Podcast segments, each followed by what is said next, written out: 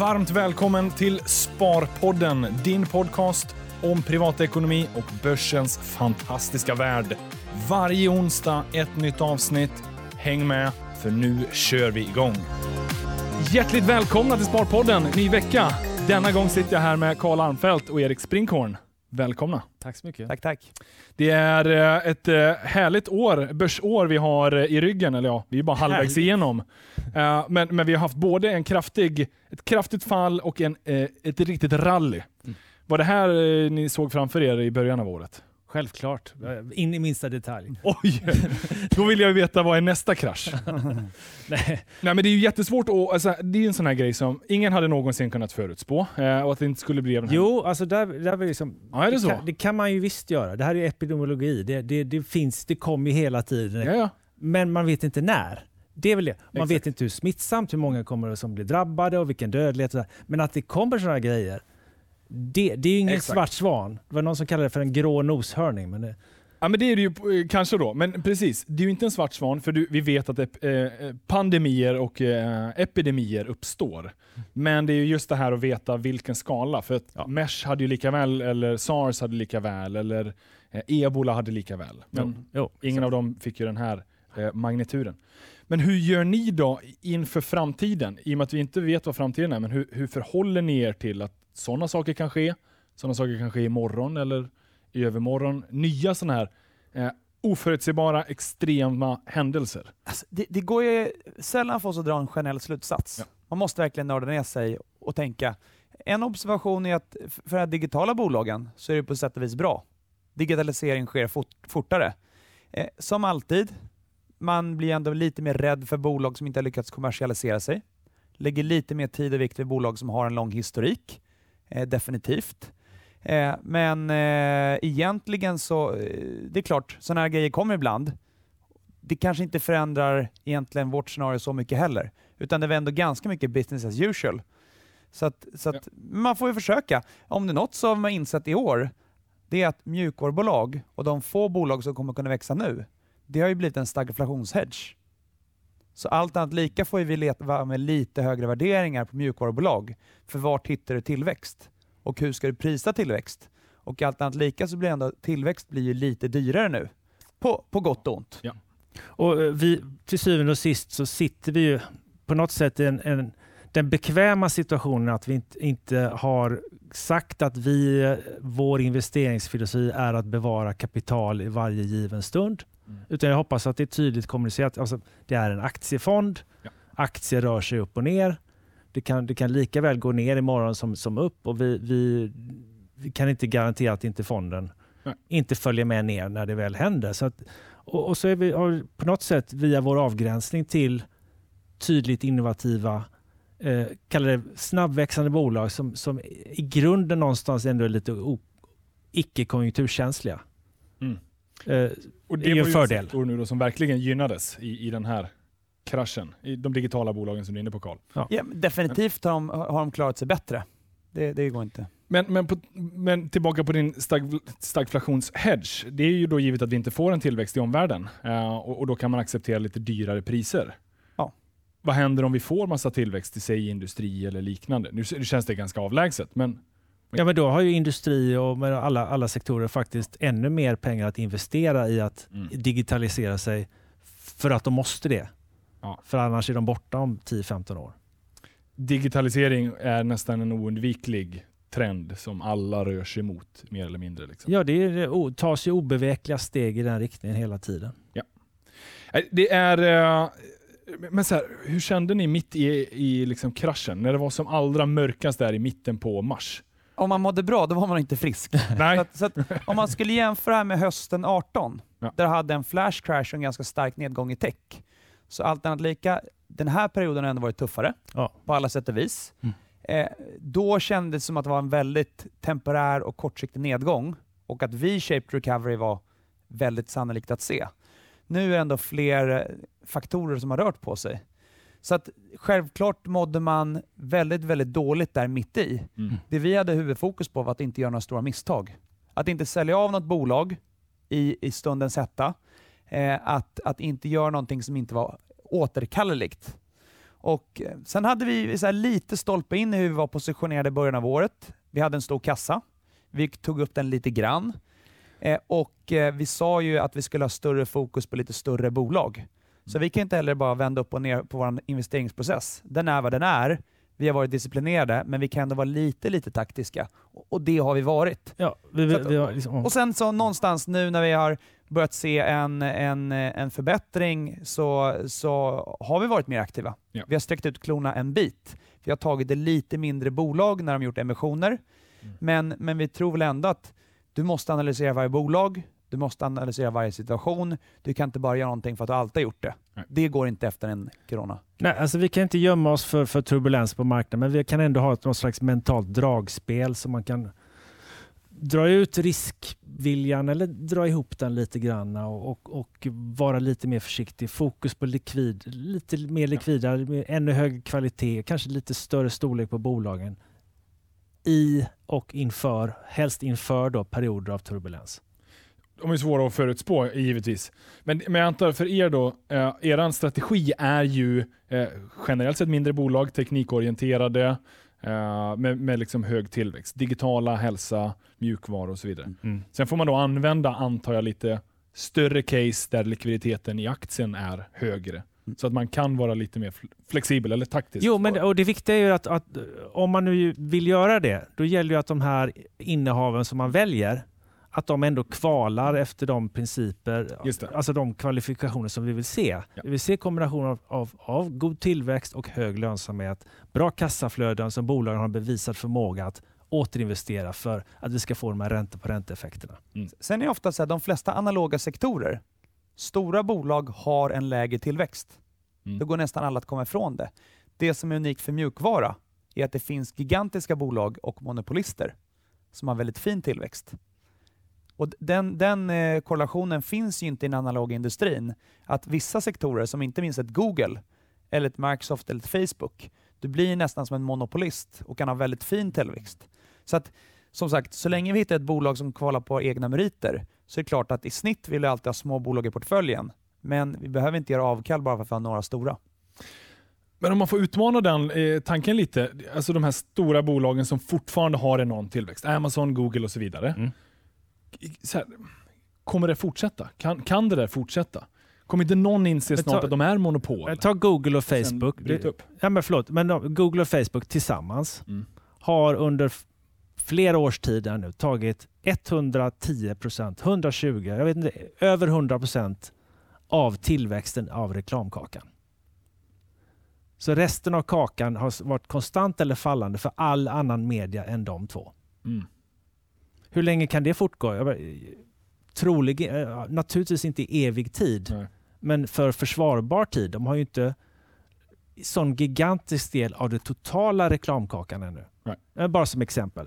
Ja, men, eh, verkligen. Så, alltså, de är ju otroligt duktiga på det. Men jag bara tänker så här, det finns politiska risker och när, när man inser att EU inte längre accepterar de villkoren Google ställer och sen så bryts det upp. Ja, Det är unikt för varje enskilt bolag, men, men det är ändå en poäng i att det finns en annan faktor där, i att stora bolag faktiskt kan växa väldigt fint i en digital värld. Sen kommer vi, vi, vi kommer ju inte investera i FANG Nej. i den här fonden. Eh, Och, och, eh, vi letar väl snarare efter bolag som har samma liknande karaktäristika. Mm. Inte monopolister, men de, har- de har samma nätverkseffekt som driver deras affärsmodeller. Ja.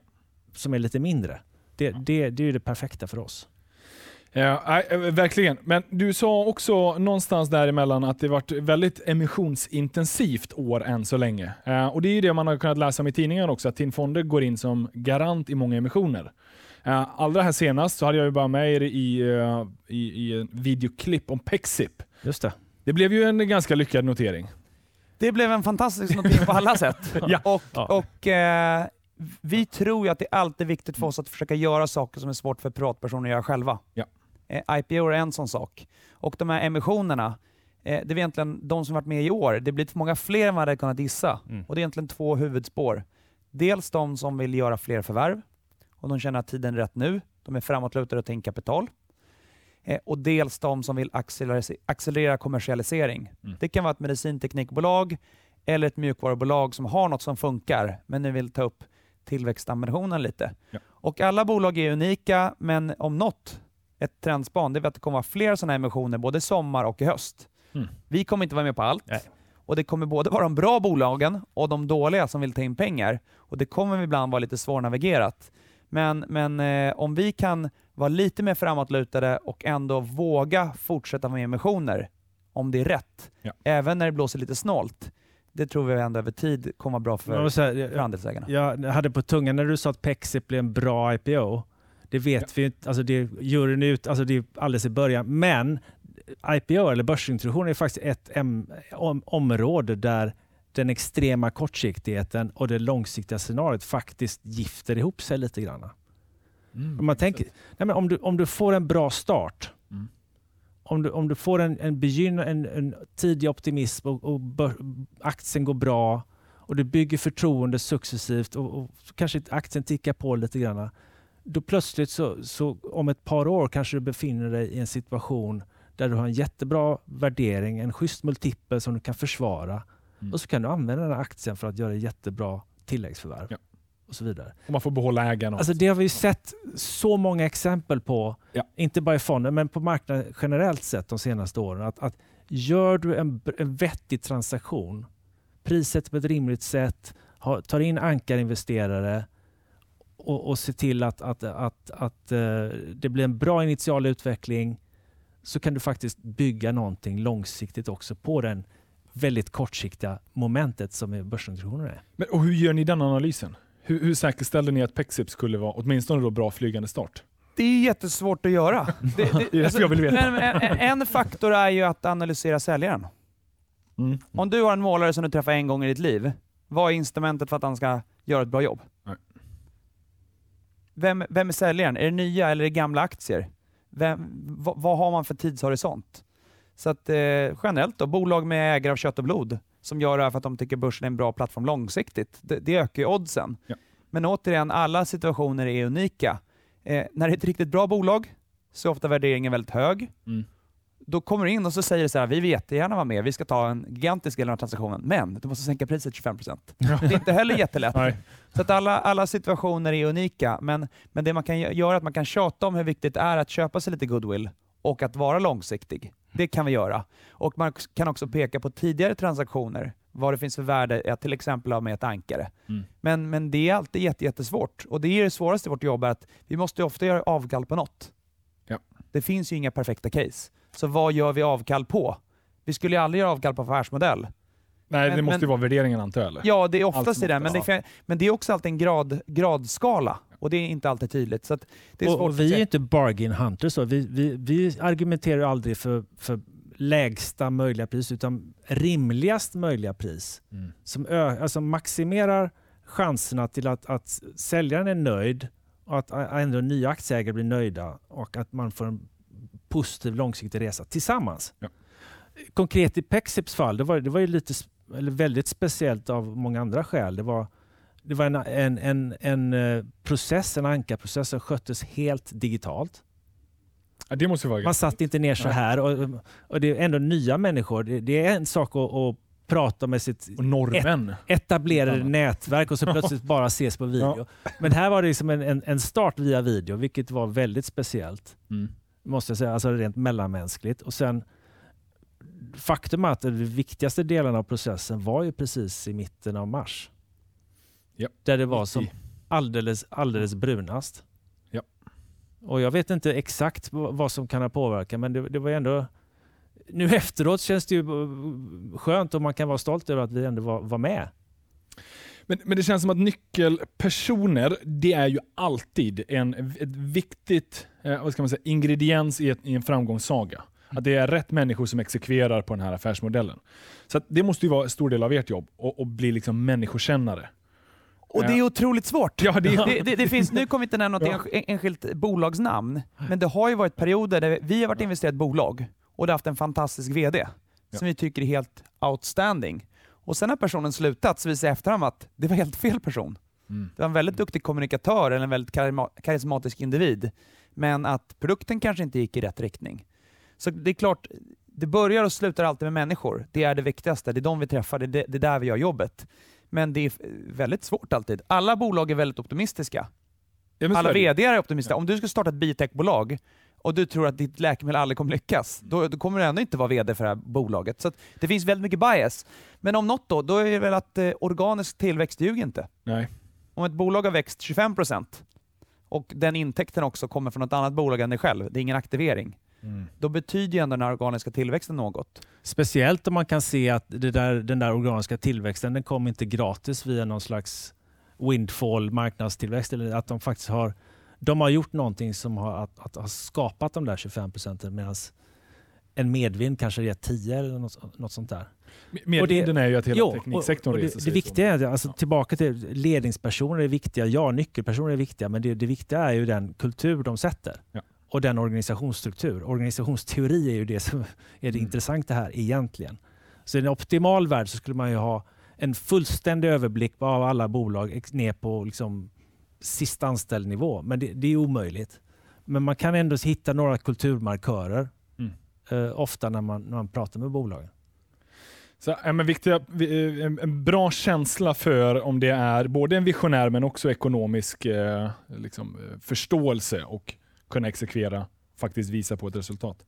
Eh, en- tanke som jag kom på här nu som är lite intressant. Om ni då liksom utsätts för att försöka lära känna och förstå människor, eh, någon gång måste ni ha för, liksom, funderat på varandra. Vad, vad är era egenskaper som ni kompletterar varandra eller där ni går emot varandra? Det viktigaste för oss är att vi har enats kring en investeringsprocess. Så vi har lite samsyn kring vad vi letar efter. Ja. För någonstans... Vi, och det står väl i fondbestämmelserna? Ja, det, det, det, fondbestämmelsen är det yttre ramverket. Där, Mm. Sen själva investeringsprocessen för vilket bolag vi letar för inom ramverket för fondbestämmelserna, det är mycket mer snävt. Ja. Så man måste ha enats kring en process om man ska vara disciplinerad.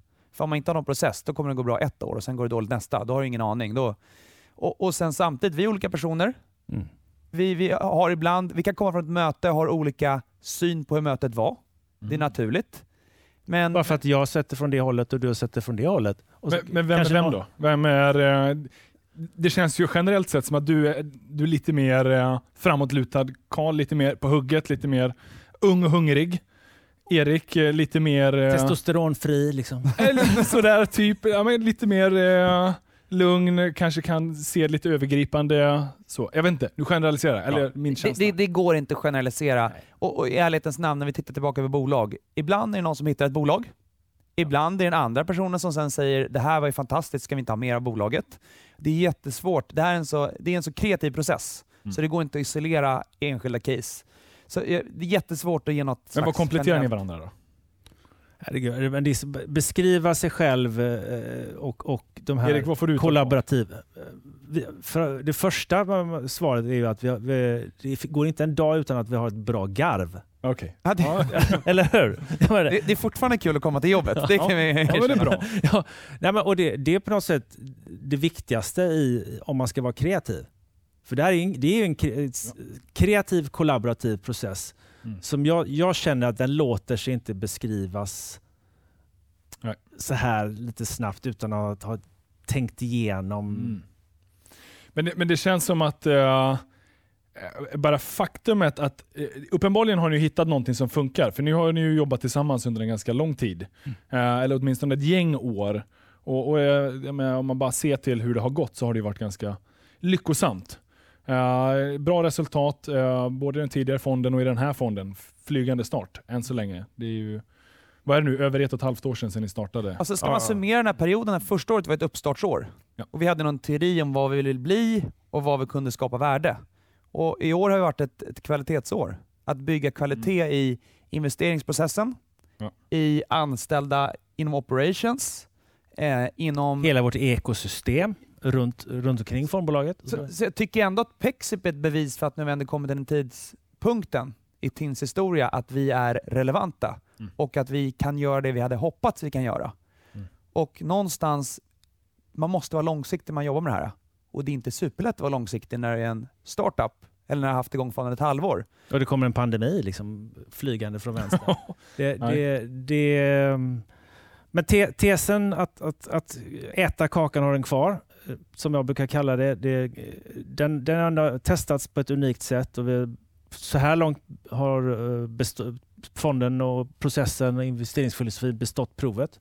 Mm. Eh, och det känns ju jättekul. Men, men eh, framtiden har det säkert nya intressanta bajsmackor i, i, i Så är det ju. Börsen är ju en, en fantastisk plats. Eh, först kommer en krasch och hela ekonomin stannar upp, men sen så rusar det. Eh, men men vad så här, tänker, ni, tänker ni vart börsen ska? Eller är det... Det är ju inte irrelevant, för det påverkar det ju uppenbarligen.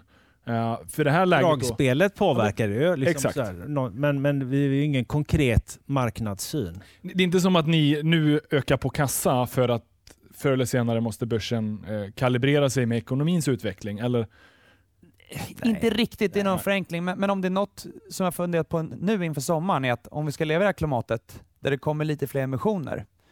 Så tror väl vi att det kommer vara en ganska opportunistisk tidsperiod. Ja.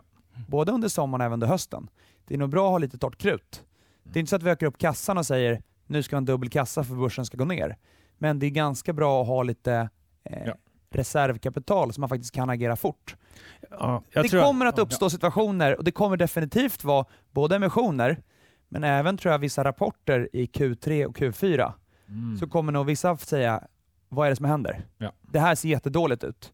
Och Då kanske man läser en rapport och då krävs det att man läser rapporten, att man har känt bolaget i många år för att förstå det i ett kontext och kanske ibland träffa bolaget för att fatta, så här, är det här ett temporärt problem Mm. eller ska man Ja. sälja det här innehavet? Så, sådana situationer kommer uppkomma. och sen, sen tror jag inte man, man ska utläsa för mycket av vår kassastorlek någonsin under någon tidpunkt eftersom vi kommer troligen ha en, en lite större kassa än många andra fonder har i något slags normalläge.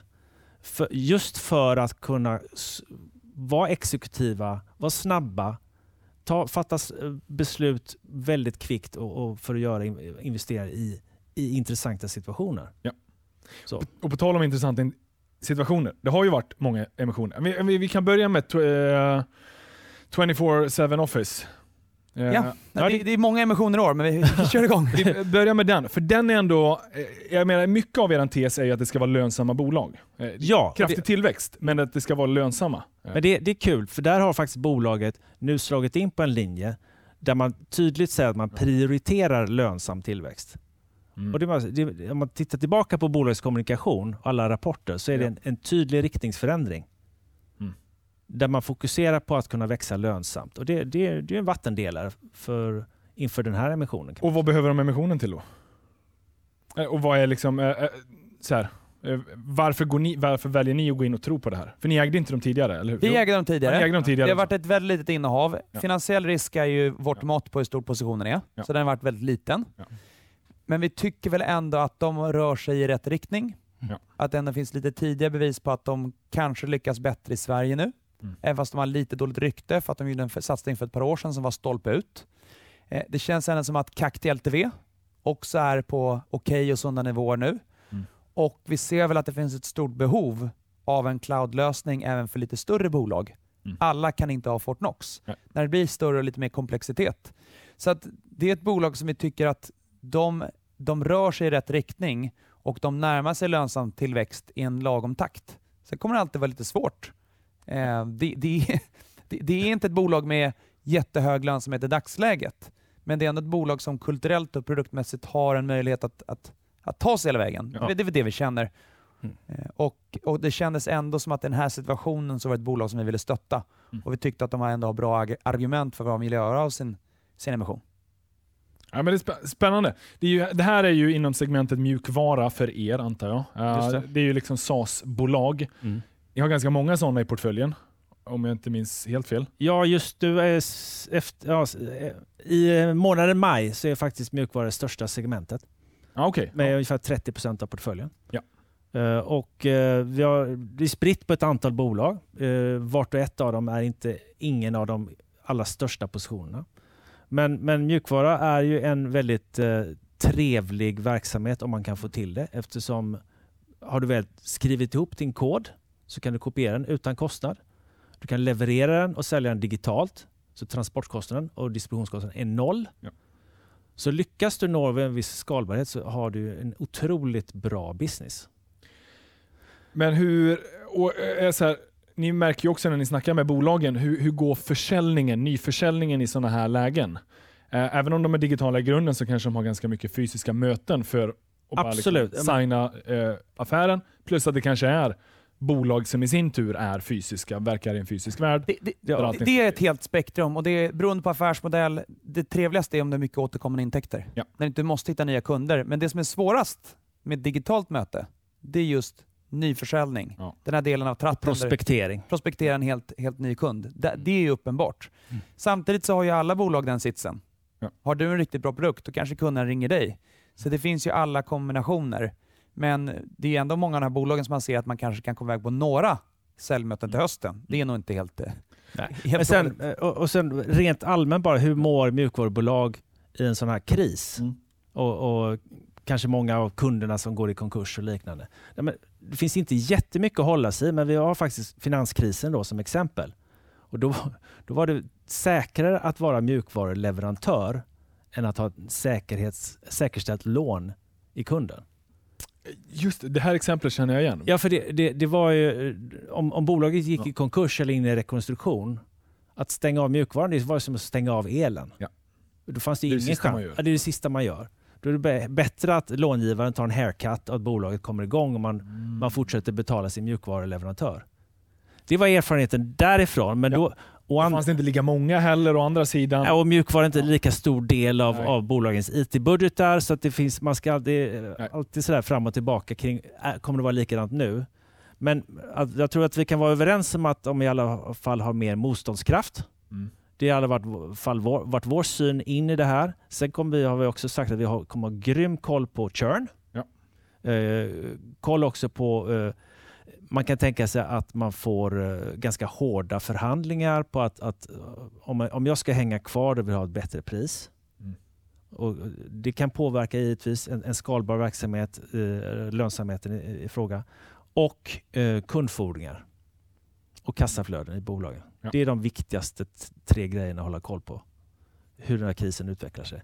När vi kommer ut på andra sidan då är jag säker på att, att mjukvara kommer vara en ännu större andel av IT-budgeterna än vad de har varit. Ja, men det låter rimligt. Men eh, vad är känslan än så länge då kring churn? Är det, för det har ändå varit något mer konkurser än vad det har varit tidigare. Men det har ju, man trodde ju att hela samhället skulle gå under det ett tag. Känslan är väl att den är väldigt låg. Ja. Men samtidigt så är väl vår känsla att när vi träffar bolagen så har inte de heller hela facit. Nej. Nej. Det är för tidigt. Ja. Och, och det, det, det kommer nog vara tydligare efter sommaren.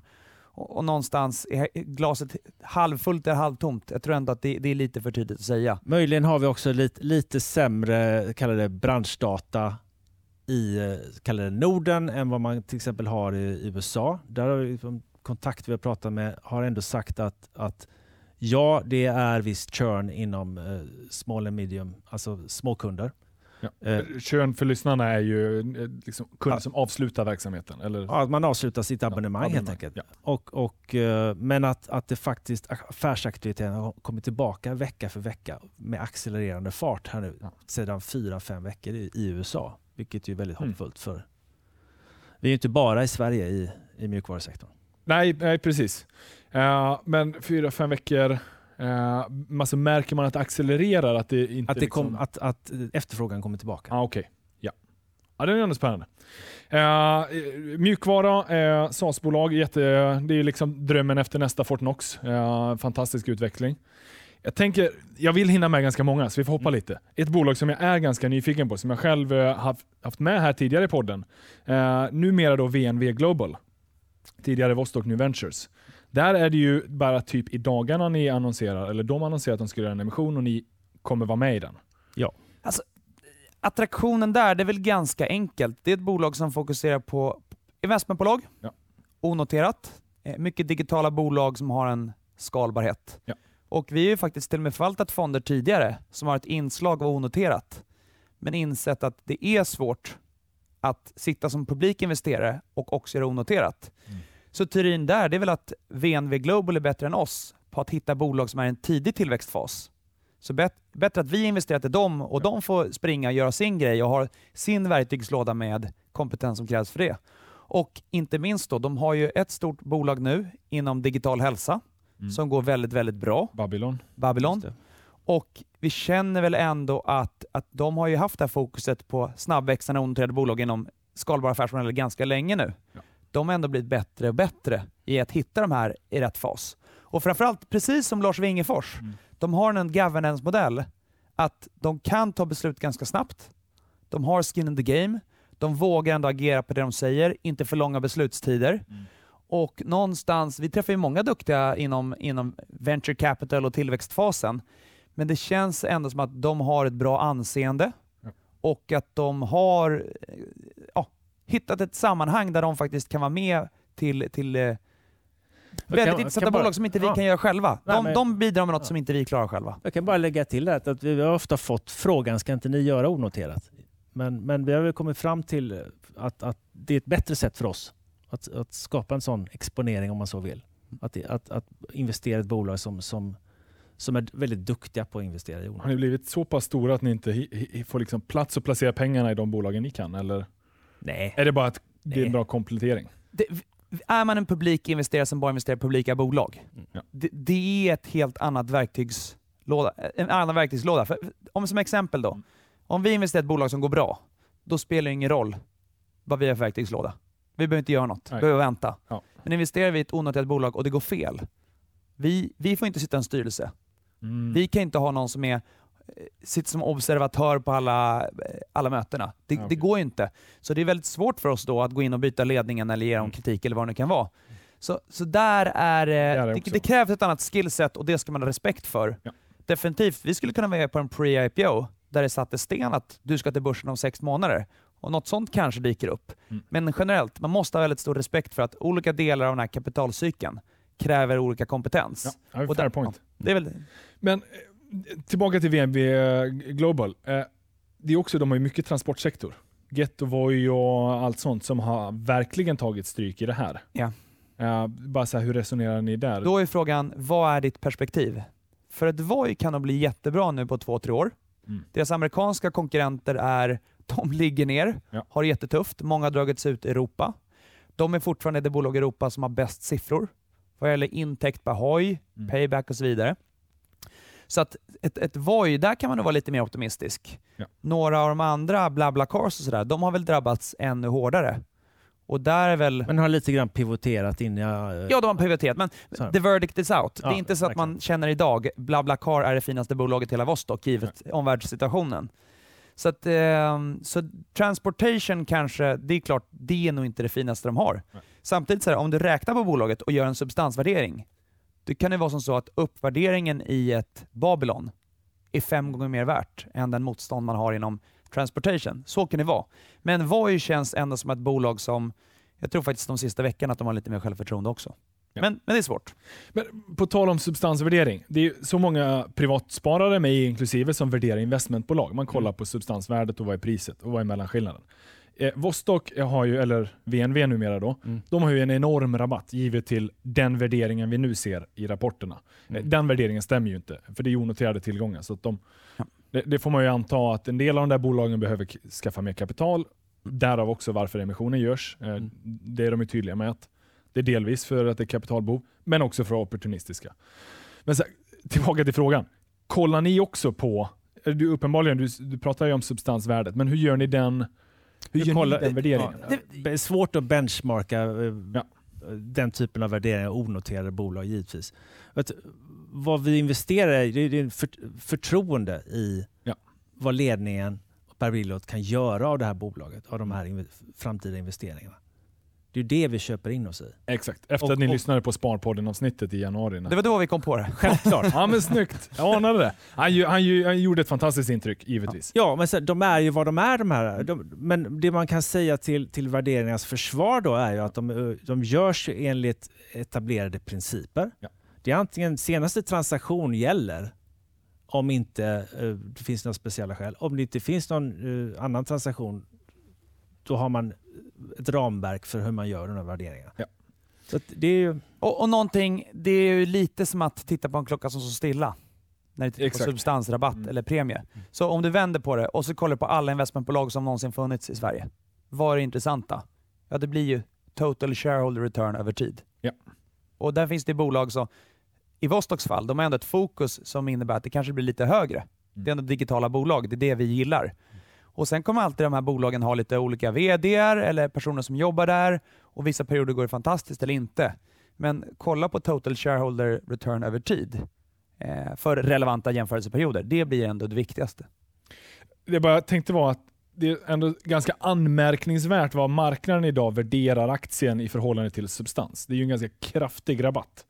Eh, och Det kan man ju spekulera ganska fritt kring varför. Marknaden antingen inte förstår hur de ska värdera det eller har ganska... Det är klart att en, en, en, om man bara tänker i optionsteori, det är klart att en emission i det här läget, det öppnar ju upp för en möjlighet att det finns ja. ett behov att fylla hål. Ja.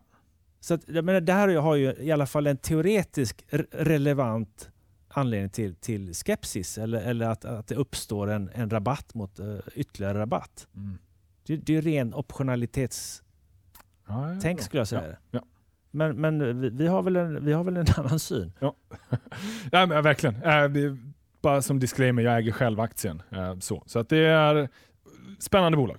Finns det några fler bolag som vi ska prata med som du äger? Ja, men du, det finns många, finns många. Ni kan ju följa mig på Sharewin. Uh, eller det antar jag att ni gör redan. Uh, men det är lite kul. Uh, per, jättebra insats. Uh, men vi, vi, måste också prata gamingbolag. Det är en stor del av portföljen. Det är bland de absolut största innehaven uh, för er i portföljen. Embracer. Det, det är ju liksom älsklingen. Jag tror inte det finns någon som inte gillar det bolaget. Eller det finns extremt få i alla fall. Det skulle finnas säkert få som erkänner att de ogillar det. Eh, verkligen. eh, verkligen. Och med all rätt, för det är ju en framgångssaga. Eh, otroligt många bra förvärv. Tillbaka till det här med emissioner som reflexivitet uppåt ja. och utnyttja ja. det i framtida förvärv och så vidare. Och, och jag med, där har du varit väldigt duktigt på att dels göra emissioner eh, och sen ta de där pengarna till att skaffa nya bolag som har liksom stärkt hela den här organisationen.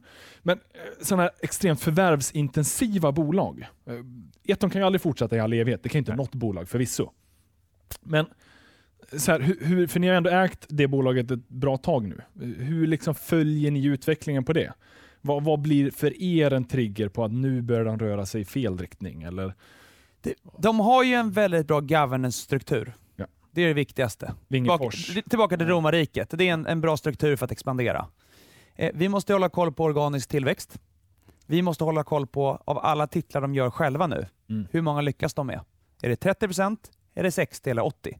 Där måste de ändå få någon slags okej, okay, om man ska kalla det för ett batting average. Mm. Det intressanta med Embracer och största skillnaden nu mot för ett år sedan, det är att vi tror väl ändå att efter Saber Interactive, som var det sista förvärvet, så har de ändå tagit ett steg uppåt i anseende sektorn. Mm. Det finns så många personer nu som tycker att, att Embracer är ett, långt, ett bra långsiktigt hem för mitt lilla bolag. Och om något då, det är många titlar som varit försenade sista året. Det beror nog inte på corona. Det beror på att folks krav på kvalitet har gått upp. Det blir svårare och svårare. Ska du släppa en ny titel, den måste vara riktigt, riktigt bra om du ska ha en kommersiell chans att tjäna pengar på den titeln. Mm. Det innebär ju fragmentering på flera sätt, men det innebär att då blir det ännu mer intressant att ha ett förvärvande bolag. Vi, såg, bolag. Ja. Ja. vi såg det för, för, flera år sedan egentligen, att, att antalet spel på Steam som viktig plattform exploderade. Och, och då blir, med den ökade konkurrensen som är det, det finns ju en, en väldigt gynnsam grundmedvind för det här med digital underhållning. Det växer ändå naturligt på något sätt. Men om då fler och fler vill adressera den här marknaden, ja då, då och, och dessutom där det uppstår fler distributionsmöjligheter. Epic har ju verkligen tagit ett grepp och blivit en riktig distributör vid sidan om Steam på PC. Och då blir det ju starka varumärken som kommer vinna det där. Mm. Och, och de som har på något sätt slagit sig igenom glastaket och kommit upp i size, vilket definitivt Embrace har gjort. Ja. För dem såg vi redan då, och, och, den bilden har ju bara förstärkts över tiden, att, att de har ju gigantiska möjligheter att köpa upp då, ja, duktiga bolag som inte riktigt lyckas hela vägen. Mm. Men det är ju det i kombination med den egna organiska Exakt. Sen kan man alltid fundera kring, kring decentralisera, centralisera, integrera eller låta stallet, vardera stallet löpa fritt.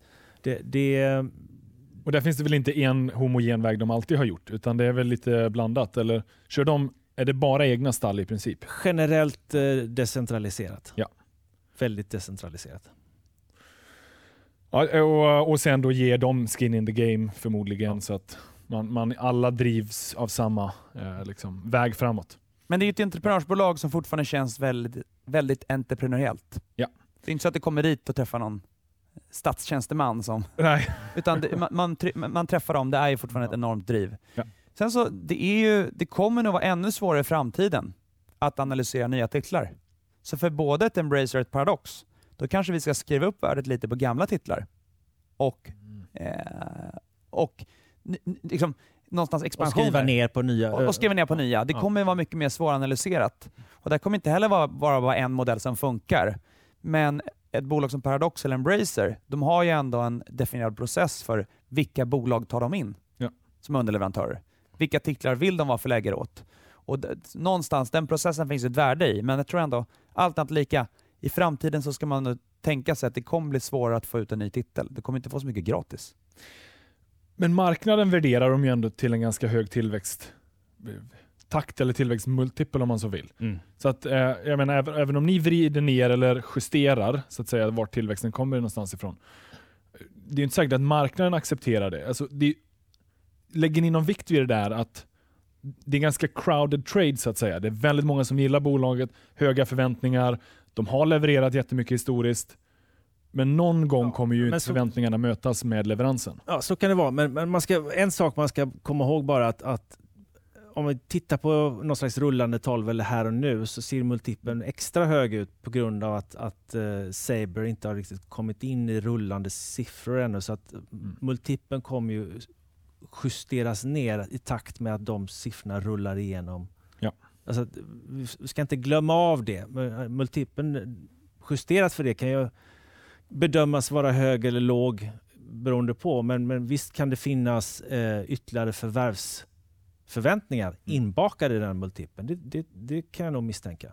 Det är väl egentligen första gången i historien också som vi märker att massor med generalister i USA går och skryter om att de köpt dataspelsbolag i sina kvartalsrapporter. Det har ju inte skett tidigare. Och och någonstans, alla de har inte köpt Embracer, men vi märker ju ändå att, att intresset för video gaming companies, Exakt. Den är ju det enorm. har ju ökat väldigt mycket det, av for good and for bad. För det jag menar, det, det, blir ju då en, en crowded trade så att säga. Alla ska ha det där och, och alla älskar det där. eh, Men det kommer komma en dag de inte gör det. Eh, Och då får man sätta det i perspektiv till värdering som alla andra bolag. Ja. Eh, och kanske då att, vi tror ju ändå allt annat lika, vi måste lägga, lägga mer tid på kvalitet. Det vi kan bara vara med de bästa spelbolagen, vi kan inte vara med alla. Det är bra. Det är en bra approach. Och, och, och någonstans om vi kollar på historien, många av de mest framgångsrika bolagen har varit framgångsrika i rätt långa tidsperioder. Ja. Det finns det ju fler exempel på att, att eh, hitta någonting som verkligen funkar, då ska man, det är nu bättre att vara långsiktig. Någon gång då så blir det fel, Mm. men i de flesta fall så är det nog troligtvis rätt. Men på tal om en riktig framgångssaga då, Evolution Gaming. Den har ni varit med eh, sen de börsnoterades. Eh, förvisso då i den tidigare fonden. Ja. Det, det har gått ganska bra för den aktien. Väldigt. Ja, väldigt bra. Mm. Eh, Och det är ju verkligen en framgångssaga på alla sätt och vis. Det, det är de där få som verkligen eh, sticker ut och är kanske once in a lifetime eller twice or three times in a lifetime. Så här, hu- hur undviker man att skala av den där när den har gått 2000 procent och sen missar de där sista 1000 procenten? så? Ett klassiskt misstag det är ju det är ju att kolla på en kursgraf. Ja, ja. Vi kollar ju aldrig på kursgrafen. Vi kollar ju bara på värderingen. Det är ju steg nummer ett. Våga vara långsiktig. Mm. Ha lite plåtmage vad gäller värdering. Mm. Att kolla på saker som företagskultur, drivkrafter, corporate governance. Det blir ännu viktigare. Det är ju ändå ett bolag som faktiskt vi har märkt, man vill rekrytera personer som är duktigare än en själv. Det är inte alla bolag som jobbar på det sättet. Nej, Vi har många bolag faktiskt där det fortfarande kanske du säger nyckelpersonen är bara en eller två individer som har drivit upp det här bolaget och fortfarande är den här stora eken och trycker ner alla andra plantor. Men där är ju ett bolag där det finns väldigt många talangfulla individer. Och inte minst USA kan ju bli faktiskt det största delen av vi, vi bolaget. pratar ofta om att vi har plåtmage för höga värderingar och sådär. För det, det, det jämnar ut, alltså det, de växer så snabbt in i de här värderingarna och, och det sämsta vi kan göra är att sälja något, något riktigt bra bolag för vi vet aldrig när vi ska köpa in det igen och så vidare. Mm. Men där, det är ju, Evolution är ju paradexemplet för det. Det har ju så att säga, alltid varit fel. Ja, fel värdering så att säga. Det har alltid varit fel att sälja dem Ja. när de varit lite för högt värderade. Ja. eh, inom citationstecken. Eh, för den har, de har alltid lyckats växa in i det där. Det är bolaget som har missförstått Rule of 40. Vil- Vad är det för något? A Rule of 40 säger att, att eh, omsättningstillväxt och marginal tillsammans ska vara över 40 procent. Mm. De har både omsättningstillväxt och marginal över 40 procent. Ja, det är, ändå, det är imponerande. Men eh, här, man vill ju att alla ens innehav ska, bli, eh, ska nå den kalibern. Så, Det är väldigt få som i praktiken når den där kalibern. Men, eh, eh, men så här, hur... hur, hur nej, ja, jag vet inte. Det är ett så otroligt spännande exempel och just det här med plåtmage, att ni inte skalar av det för mycket. Sen är inte det den absolut största enskilda innehavet. Och någonstans har ni väl behövt skala det liksom längs med, eh, med Men, men, man, det- kan ju vända, det- det- på det här också. Att, att, det är klart att eh, någon gång gör man ju fel i att Ja. inte skala av någonting som blir lite för högt värderat. För det visar sig att det var den absoluta toppen och, och sen förändrades verksamheten och, och eh, tre år senare så är vi 90% ner eller något sånt där. Mm. Det är ju en risk alltid i sådana här, om man ska leva efter den devisen. Men det, det visar sig ändå att, att det blir oftare rätt än fel. Att ta ett lite längre synsätt, Mm. att se, tänka i riktningar. Vad kan det här bolaget vara om några år? Och vad är vinstmultipeln då? Ja. Och, och så länge det inte är något, vi ser att det är någon röta i affärsmodellen, nej, men då är det bästa vi kan göra är bara att vara, vara med. När var första gången du handlade på Amazon? Ja, men det har jag nog aldrig gjort ens. Okej. det finns Nej, inte men- i Sverige. nej, De har ju pratat i all evighet om att de ska komma in i Sverige. När kommer de in i Sverige? Ja, jag, vet inte. jag köpte min första bok där för väldigt många år Jo, sedan. men jag har nog köpt, jo jag faktiskt. Eh, jag, min chef Martin retar mig ganska of- ofta för det här, men jag springer med sådana här tåskor. Så att tåstrumpor brukar jag köpa från Amazon. Okej, Så du, det var faktiskt- du är Vibrams största kund. Eh, typ, eh, en av dem i alla fall. Eh, så det köpte jag, men det kanske var fyra år sedan eller något sånt. Fem. Ja. Nej, men, en- ja. det, det, det är all, alla situationer är Ja. unika, men, men eh, Och Amazon har ju fortsatt det är typiskt sådana här diskussioner vi har på kontoret varje dag. Ja. Både kring befintliga eller nya innehav. Och det är, det är otroligt svårt. Ja, Och det är betydligt, Men det är charmen med kan man ju konstatera att det är betydligt Mm. enklare att sitta kvar med någonting än att köpa in sig i någonting som är i den här positionen. Ja. Där det ser lite för dyrt ut. Eh, så är det ju definitivt. Och den kanske man då behöver ha med sig att eh, hellre sitta kvar än att försöka skala ur och sen hoppa tillbaka. Om det blir billigare. Ja. För det är inte alltid det blir billigare. Och, om det är något, Nej. vår bakgrund är att vi har lagt mycket, vi, eh, från början, småbolag har ju varit vårt huvudfokus. Ja. Och det, där inser man ju på riktigt att om du säljer något, det är inte alls du kan köpa tillbaka det. Mm. Och det är kanske därför också som vi har varit väldigt aktiva i emissioner. För att inte heller alltid man kan komma in i ett bolag om det inte är en emission. Snyggt. Eh, det låter verkligen på er båda som att det är ett eh, otroligt hantverk. Eh, som att ni skrattar varje dag. Och eh, vart förbannat kul att snacka med er. Vi hann bara, vad blir det, två av tolv emissioner här, men det är Ja, kanske okej. men jag tänker att det kommer att bli några fler i år, skvallrar ni om lite. Så att vi kanske får göra en uppdatering mot slutet. Se vilka som faktiskt blev de där lyckade och vilka som blev lärdomarna. Men fram tills dess så önskar jag ju er all lycka till och hoppas att ni får en bra sommar däremellan också. Det känns ju redan som att det här året har varit ett år långt. Så får se, hur långt det här Jag året med. blir. Jag håller med. Eh, börsen slutar aldrig förvåna en. Eh, och det är väl därför vi uppskattar och jag älskar det här också. Verkligen, jag håller helt med. Eh, men Karl och Erik, stort tack för att ni tog er tiden och kom hit till Sparpodden och köta lite aktieskit. Tack själv. Tack så mycket för att vi kom hit. Och tack till er som har lyssnat. Ni vet som alltid, vi hörs igen nästa vecka. Ciao! Thank you.